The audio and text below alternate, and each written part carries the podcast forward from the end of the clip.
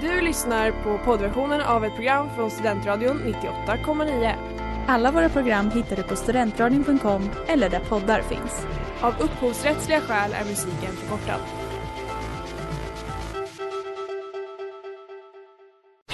Reklam, reklam. Hej där! Tar du ett sabbatsår? Är du klar med din utbildning i höst? Ta då lite tid för att resa utomlands. Upptäck dig själv med ISEC och arbeta med ett sex veckors volontärprojekt kopplat till hållbarhetsmålen i Afrika.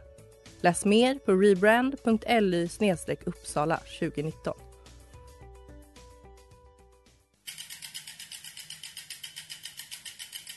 Har du fått punka, krångla växeln eller är cykeln inte lika snabb som den en gång brukade vara? Vänd dig då till Leffes cykel, Uppsalas främsta cykelverkstad sedan 1988.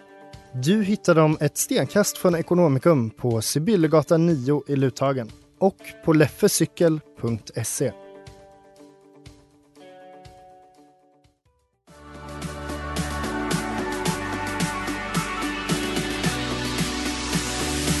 Vad fan säger du? Vad sa du?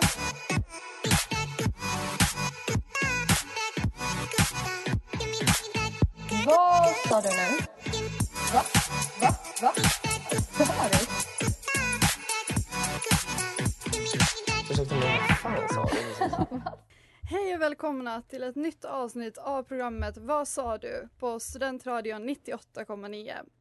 Ett program där vi börjar med att gå igenom kändiseliten för att fortsätta till veckans åsikt slash tankeställare för att avsluta med att diskutera ett begrepp som kan ha flera olika definitioner eller i alla fall tre olika perspektiv. Och eh, som alltid är det jag Vilma Och jag, Emmy. Och Narcis. som kommer diskutera våra valda ämnen från olika synvinklar. Och eh, dagens tema är senaste trenden diagnoser. Och vi kommer diskutera om folk som självdiagnostiserar sig, hur kändisar påverkar vårt sätt att se på diagnoser och hur öppen man egentligen ska vara med sin diagnos. Emmy, vill du snabbt ta, gå igenom vad du ska säga? Eh, kort och koncist, coming out stories. Narcis? Eh, självdiagnosering. Punkt. Yes, och jag kommer gå igenom influencers som eh, ja, går ut med sin diagnos i sociala medier.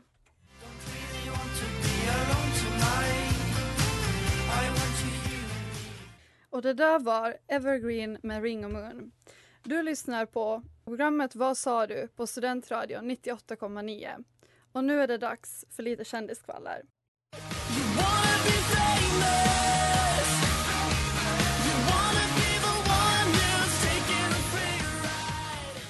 Det har ju blivit vanligare att eh, folk går ut i sina sociala medier och berättar om hur de källdiagnostiserat sig eller att de har blivit diagnostiserade. Och eh, på något sätt så måste det ju ha en påverkan på hur folk ser på olika diagnoser. Och antingen så bidrar det till att folk som är öppna med sina diagnoser kan hjälpa andra eller så blir det då att folk hittar på och slänger med begreppet eller så bara triggar det. Och eh, det finns ju en influencer som har varit väldigt öppen med att hon eh, lider av bulimi. Och i sitt sommarprat för några år sedan så berättade hon ju även om hur tufft det har varit att leva med sjukdomen i alla år och att hon insjuknade redan som liten och att återfall förekommer. Och enligt statistik från Socialstyrelsen har antalet som lider av ätstörningar också ökat med nästan 40 procent de senaste tio åren, vilket tros ha mycket att göra med sociala medier. Och influencers då som använder sociala medier för att berätta om sin ätstörning, tror ni att det hjälper eller stjälper? Och ska man vara öppen, alltså hur öppen ska man vara att man lider av en ätstörning? Um, alltså, när det kommer till just, just ätstörningar i det här ämnet, då tänker jag typ um, jag tycker att allting är bra att prata om. Jag tycker det är viktigt att så här, särskilt typ influencers och kändisar eh, pratar om sina olika typer av eh, sjukdomar och liknande för att det finns liksom kids där ute som behöver ha det här och behöver ha typ så här någon de ser upp till och bara ja, jag har också bulimi so I can make it typ. Men där det svider lite i mina ögon är när said influencers går ut med det här, pratar om hur tufft det är och la di da di da. Men sen så lägger de ut en bild där de visar sin perfect figure och så ser man också att tavlan i bakgrunden också har blivit redigerad, att tavlan är lite sned. Så att de pratar om hur tufft det är, de pratar om hur viktigt det är att prata om det. Men sen så bidrar de till det genom att photoshoppa sina egna bilder och få sig själva att se quote on quote perfekt ut.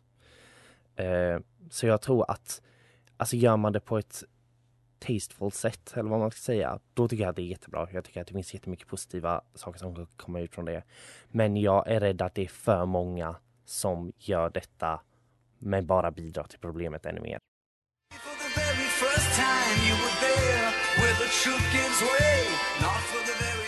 Och det var Living in the Dark med The Fratellis. Du lyssnar på programmet Vad sa du? på Studentradion 98,9. Och innan pratade vi om ätstörningar och influencers och jag tänker att vi fortsätter på det spåret. Och jag tänkte gå in på en annan historia som handlar ja, om lite samma sak. För det finns en annan influencer som skriver när hon är på semester och hennes kompis vill att hon ska testa en dessert men hon vill inte göra det för hon ska snart åka iväg på en plåtning. Och någon tid senare så uppmanar samma person att skära ett äpple i så små bitar som möjligt och äta bitarna så långsamt så att man blir mätt och kanske därför inte orkar äta hela äpplet. Och hon fick ju såklart jättemycket kritik för det. Att inte äta en söt sak för att vara så smal som möjligt på en plåtning. Eller det är i alla fall så kommentarsfältet tolkade hennes inlägg. Eh, och även det att man ska bli så mätt så snabbt som möjligt så att man inte behöver äta så mycket. Tror ni att inlägg som dessa kan leda till ätstörda tankar eller tycker ni att influencers ska få skriva så? Emmy? Alltså influencers har ju den makten på ett sätt att kunna, där många bör tilläggas, har tagit och verkligen sagt att ja men det här händer, det här, vi måste prata om det så att folk tar det på allvar. Och jag tror någonstans att i alla fall svenska influencersystemet har vuxit sig så pass starkt kring typ kroppar och att man ska få ha sin kropp. Att det är snarare de influencers som skriver det som åker dit för det är så många som reagerar på det så starkt. Så att absolut, det är ju inte sådär toppen att man skriver att jag ska äta små, små bitar äpplen för att jag ska vara så smal som möjligt. Men precis som du sa, det har ju fått väldigt mycket backlash.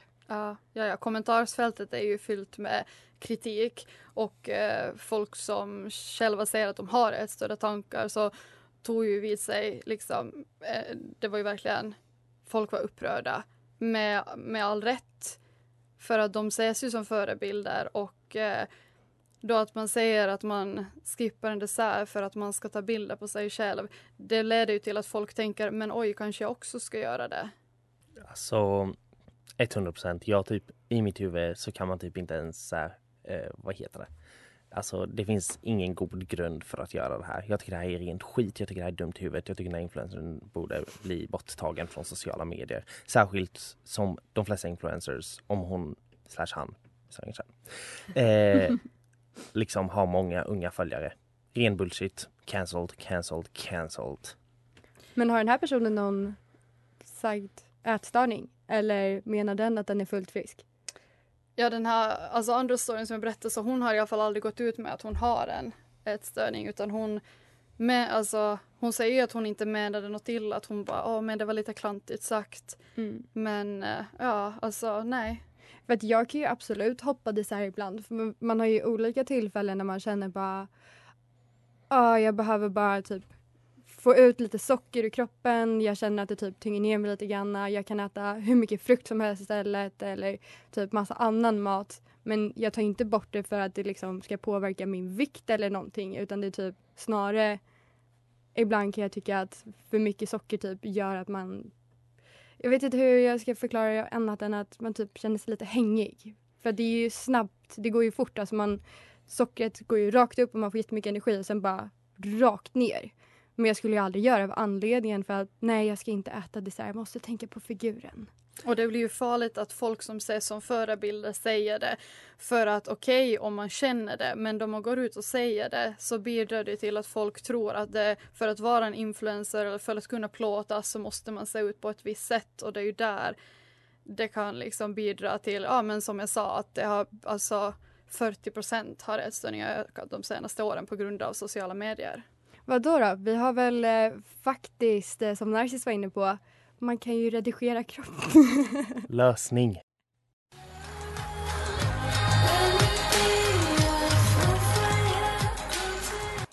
Det där var Beach med Asma som även är veckans singel. Du lyssnar på programmet Vad sa du? på Studentradion 98,9. Och jag tänker att vi lämnar ätstörningar för en liten stund och går vidare till veckans åsikt. Och där tänker jag att du, Emmy, får ta över. That's my opinion!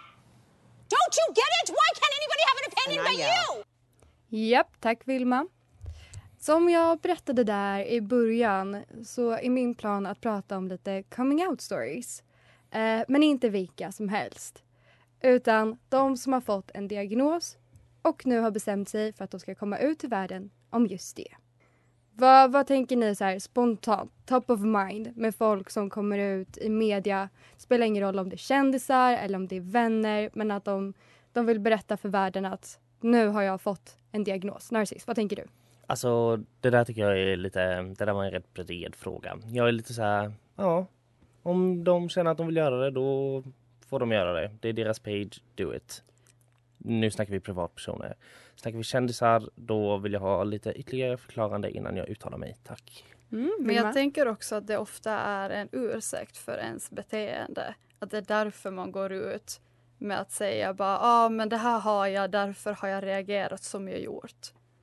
Ja men alltså precis som det du är inne på Vilma.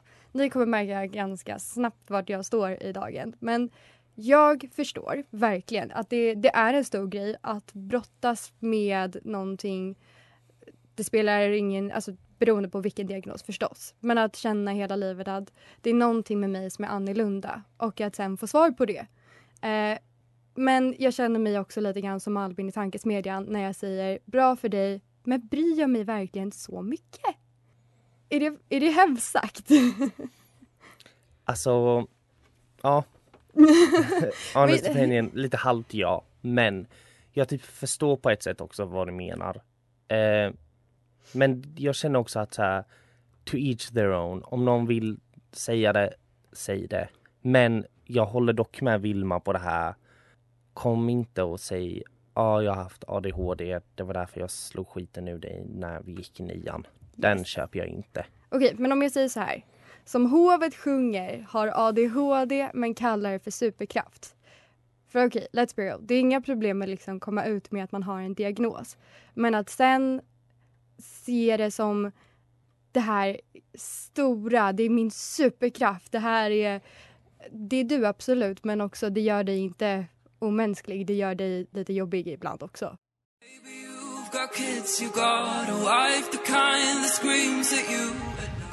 Och det där var Name in Red med Saga Back. Du lyssnar på programmet Vad sa du? på Studentradion 98,9.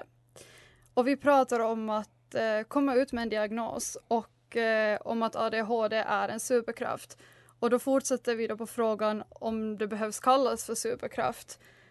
Och eh, jag tänker att eh, vad fint att man kan finna styrka i motgångar och se svåra saker från den ljusa sidan. Eh, men jag tänker också att det kan ju påverka andra. Jag tror det är lättare att slänga med ordet ADHD när alla är så här, åh men det är en superkraft, det är någonting jättebra. Eller vad känner du Narcis? Eh, jag tänker typ eh, just när det kommer till det här, alltså att influencers gör det. Det är väl någon, är det inte någon som har typ så här släppt en eh, bok or whatever som heter någonting sånt här. Ja, oviktigt. Men det här med att man kallar ADHD för en Ja, det absolut. Det jag tänker är eh, om man har unga följare, kids i 8 till 15 årsåldern, Mm. nydiagnoserade, alltid varit så här, den stökiga i klassen. Mm. Eh, nu ska de plötsligt få ha en liten elevassistent. De ska vara i ett annat rum på tre av fyra lektioner. De är utanför i klassen. De mår jävligt piss över detta för att de känner sig typ så här konstiga. Och sen så kommer den här favoritvloggaren favorit eh, vloggaren på Youtube och är så här bara har ADHD det är en fucking superkraft. Jag blir så mycket bättre av den för att den hjälper mig så här och så här. Jag tänker ändå att det finns en positiv grej med det när det kommer till just de här små kidsen. Att de känner sig på ett sätt typ, de, det får dem att känna sig typ coola för att de har det och jag tror att det kan finnas en positiv del av det. Trots att jag tror att det också kan gå överstyrs. Precis det, är det sista du sa. Jag håller med dig och jag tycker att det är jättefint och att det ska vara superkraft. Men också stackars barn om den plötsligt får för sig att nu har jag en superkraft. Och så ska den gå och säga det till alla som har mobbat den. Jag vet inte mer men jag tror inte att det kommer nödvändigtvis göra saken bättre. Då kanske det är bättre att typ testa att medicinera. Det är inte första lösningen. Första lösningen är ju typ testa olika sätt att jobba med sig ADHD. Men, men tror ni inte att det finns en risk att det är typ på samma sätt som den kommer ha känt sig utsatt innan om den typ går runt och bara det här är min superkraft. Att det också kan bli lite problematiskt. Det borde inte bli det. Alltså för det, man vill att det ska vara ett fint samhälle men också barn är as. Men jag tror också att det, jag vet inte riktigt om barn kommer springa runt och säga det på det sättet. Men om de nu gör det, det är ju de, antar jag, en typ av, eh, ett typ av självförtroende när det kommer till det. Vilket gör att de på något sätt mår bättre. Även om kidsen fortfarande är assholes så kommer de slutligen ändå ha det här självförtroendet för att de har fått bekräftelse från en typ kändis.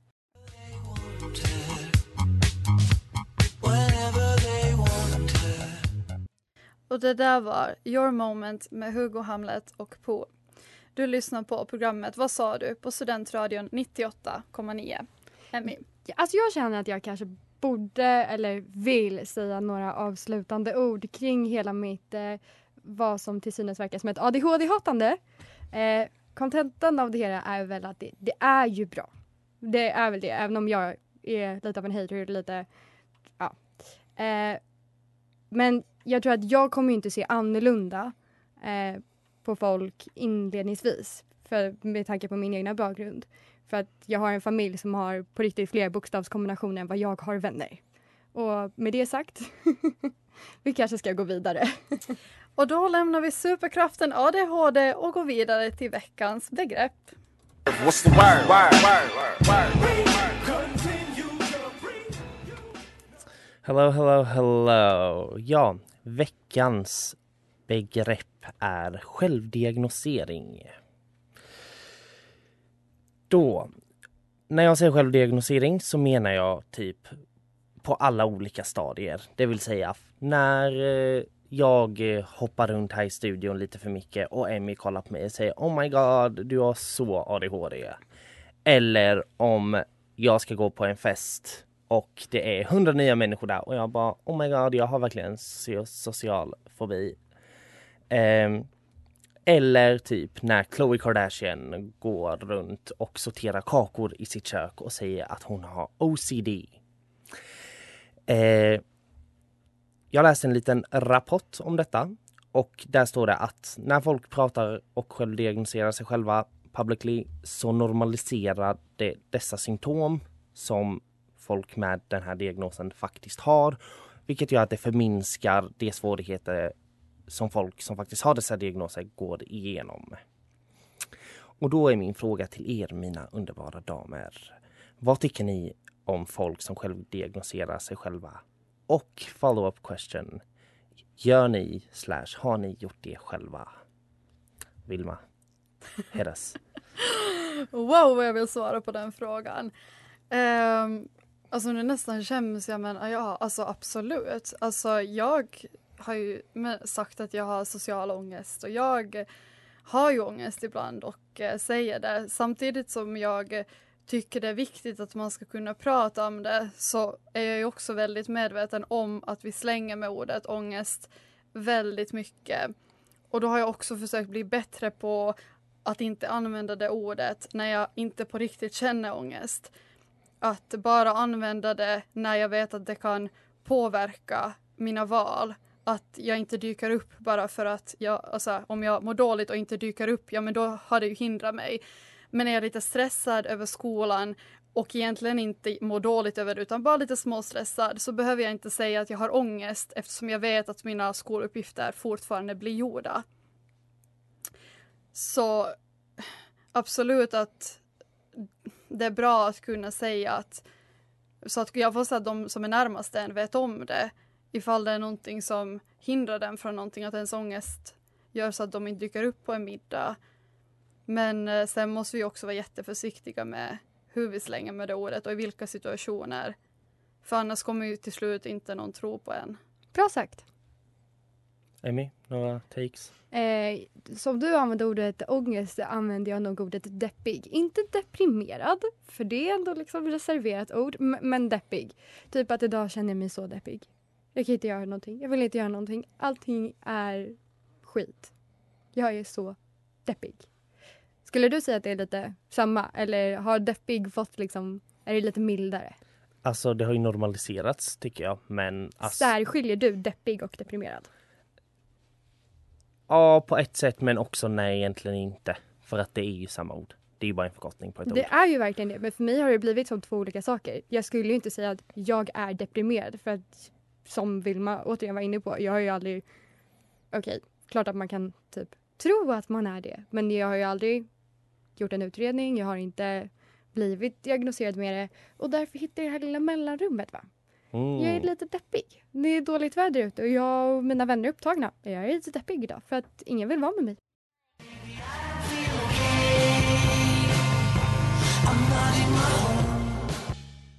Och det där var You gotta hustle med Vacation Forever. Du lyssnar på programmet Vad sa du? på Studentradion 98,9. Och vår tillfälliga diskussion rör källdiagnostisering och ja, får man källdiagnostisera sig?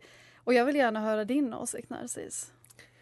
Min åsikt, jag är på samma spår som er. Jag är en master självdiagnoserare. Jag har enligt min egna PhD haft social fobi slash ångest i flera år. Jag har varit deprimerad i ungefär tre tillfällen. Och då har jag till och med kanske slängt ut grovt deprimerad. Eh, vilket jag fortfarande typ i mitt huvud, jag tror jag har varit deprimerad för att jag satt i mitt rum i Värnamo i typ två år i sträck utan att gå ut. Bortsett från typ såhär, när jag skulle ta en promenad med en kompis. Men jag tror fortfarande att det är fruktansvärt löjligt att göra det på samma sätt. Eh, om du vill ha rätten till att säga att du är deprimerad, har någon typ av ångest, inte vanlig ångest, för ångest är också en känsla som vi alla har. Alltså varje person har casual ångest. Men om du vill, exempelvis vill säga att du lider av social fobi, go to the fucking doctor, skaffa ditt intyg, säg det. Och också just, just det här med social ångest, social fobi som verkligen slängs runt nu för tiden. Av mig också, men också av andra, bland annat här i studion, men också runt om i hela vackra Sverige. Alltså, social fobi, det är ena det finns ju olika grader, men det utgår ifrån att folk kan inte lämna sitt rum, kan inte lämna sitt hem för att de inte kan träffa en annan person. De kan liksom inte gå till jobbet, de kan inte gå till skolan, de kan inte göra mycket med sitt liv för att de inte klarar av en interaktion med en annan person. För att jag inte kan gå på en fucking sittning där jag sitter bredvid en person som jag aldrig har träffat innan. Det är inte social fobi. Det är att vara en normal person som tycker att det är nervöst att träffa nya människor. Är jag lite blyg? Ja, men det är jag nog. Men jag har inte någon fucking fobi. Tack. Men. Jag tänker också att det ändå är, alltså. Dock tycker jag att man ska använda andra begrepp, men det är ju bra att prata om saker som är svårt för en. Jag tror du var inne på det Vilma, liksom att man måste ju kunna berätta för sina vänner bara så bara nej men alltså det är jävligt tufft för mig att gå på den här festen med alla dina kompisar som jag aldrig träffat innan. Ja, och det känns ju också lite jobbigt att bara, oj ja, men jag har mild social ångest. Det är ju lättare att bara, men jag har social ångest och så förstår förhoppningsvis alla vad jag menar. Ja, ångest i, över att vara i sociala sammanhang. Men nu är ju det ett namn på en faktisk diagnos Mm. som varken jag eller du har, tror jag. Jag vet inte, Ah, jag har inte frågat. Sorry om jag call you out här på radion. Men, så jag tycker ändå att tone that shit down. Om någon lyssnar och använd, självdiagnoserar, stop. Men räcker inte att ändå vi går hos psykolog och pratar om det och vår psykolog säger att men, ja, men du har liksom en variant av det. Jo, Ska inte det vara ändå så här, men då är du ju diagnoserad på ett sätt. ja men. Jag har ju, jag har faktiskt fått det liksom på, alltså jag har på, om man loggar in på min 1177 så står det där att jag lider av stark ångest liksom. Så att fan, lite ångest får man slänga ut, men jag har ju inte där social framför. Så därav tycker jag att jag fuskar lite ändå. Jag tycker bara att det finns en fara i det. Fattar ni vad jag menar? Mm. Alltså, jag, då blir det så här bara, jag är I'm cute and I'm fun och jag har lite ångest för att jag har jättemycket i skolan. Vi alla har mycket i skolan. Och sen så finns det någon som faktiskt typ inte ens kan andas och måste typ så här vara på intensiven för sin ångest. Känner mig lite attackerad här kring att jag sa deppig. Eh, jag undrar hur du överlever på våren, din fucking snowflake. Eh, love you though.